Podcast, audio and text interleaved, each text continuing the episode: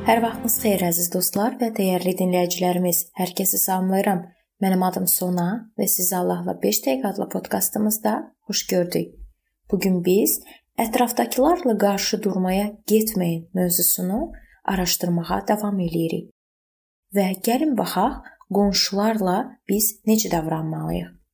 Qonşular arasında münaqişəyə gətirib çıxaracaq anlaşılmazlıqlara tez-tez rast gəlinir. Hətta qonşu ağılsız hərəkətlər edirsə, imanlı mütləq səbirli olmalı və şərə xeyirlə cavab verməlidir. Biz İsa deyən kimi hərəkət etməliyik. Matta 5:44-də yazılıb. Düşmənlərinizi sevin, sizi təqib edənlər üçün dua edin.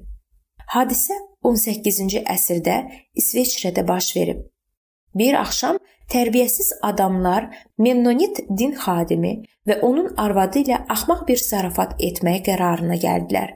Ər-arvad yuxuda olarkən zarafatçılar onların evinin samandan olan damını sökməyə başladılar. Nəhayət ev yiyəsi səs-küyə oyandı. O nə baş verdiyini anladı və Süleymanın məsələləri 25-20-də deyilən kimi hərəkət etməyə qərar aldı. Düşmənin acdırsa, onu yedizdir. Susuzdursa, ona su ver. O arvadından təcili yemək bişirməyi xahiş etdi. Daha sonra din xadimi çölə çıxıb həmin adamları yemək üçün evinə dəvət etdi. Masa arxasında oturandan sonra onların necə pis vəziyyətdə olduqlarını bir anlıq təsəvvür edin. Daha sonra xadim bu adamlar və onların ailəsi üçün Allahdan xeyir dua istədi. Lakin məlum oldu ki, bu adamlar heç də ac deyillər. Bir qədər masa arxasında əyləşdikdən sonra qəfildən çölə çıxdılar və samanı yenidən evin damına yığmağa başladılar. İrqi ayrı seçkiliklə bağlı nə demək olar? Bildiyiniz kimi, ABŞ-da, bəzən də Kanada və dünyanın bəzi digər ölkələrində müxtəlif millətlərə aid insanlar arasında qarşıdurma yaranır. Bəzən də bu qarşıdurmalar qanlı davalarla bitir. İnanclı insanlar bilməlidirlər ki, Allahın gözündə bütün insanlar bərabərdirlər. Müqəddəs yazıda bu barədə belə deyilir. Allah bütün bəşəriyyətin millətlərini bir insandan yaratdı ki, bütün yer üzərində yaşasınlar. Yaşamaq üçün onlara zaman və məkan təyin etdi. Həvarilərin işləri 17-26 İsa Məsihin imanlar cəmiyyətində artıq Yahudi ilə Yunan, qulla azad, kişi ilə qadın arasında fərq yoxdur, çünki hamınız Məsih İsa'da birsiniz deyilir. Bu Qalatillərə məktub 3:28-də yazılıb. İnanclı adam kiməsə qarşı qərəzli mövqedən çıxış etməməlidir.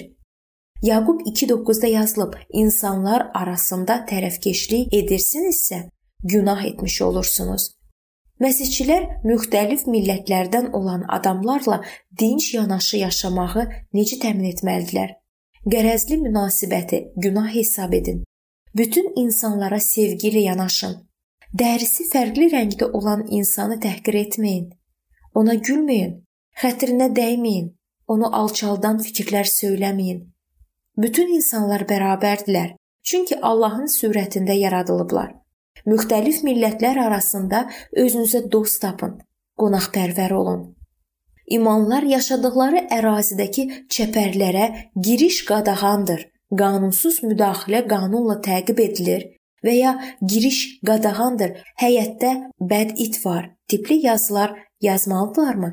Əgər şəxsi mülkiyyət deyiriksə və ya həyətimizin haradan başladığını göstərmək üçün hasar tikiriksə, bu normaldır.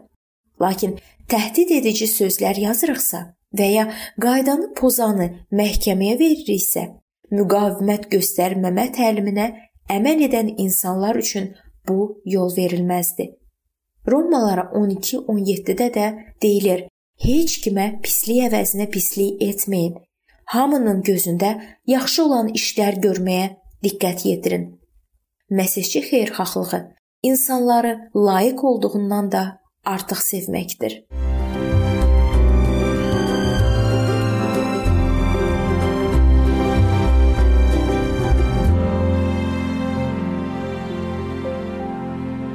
Beləliklə əziz dostlar, bu yerdə bu mövzu sona çatdı. Hər zaman olduğu kimi sizi dəvət edirəm ki, bizim podkastlarımızı Facebook səhifəmizdən və YouTube kanalımızdan dinləməyə davam eləyəsiniz. İndi isə mən sizinlə sağollaşıram və növbəti görüşlərdə görmək ümidi ilə sağ olun, salamat qalın.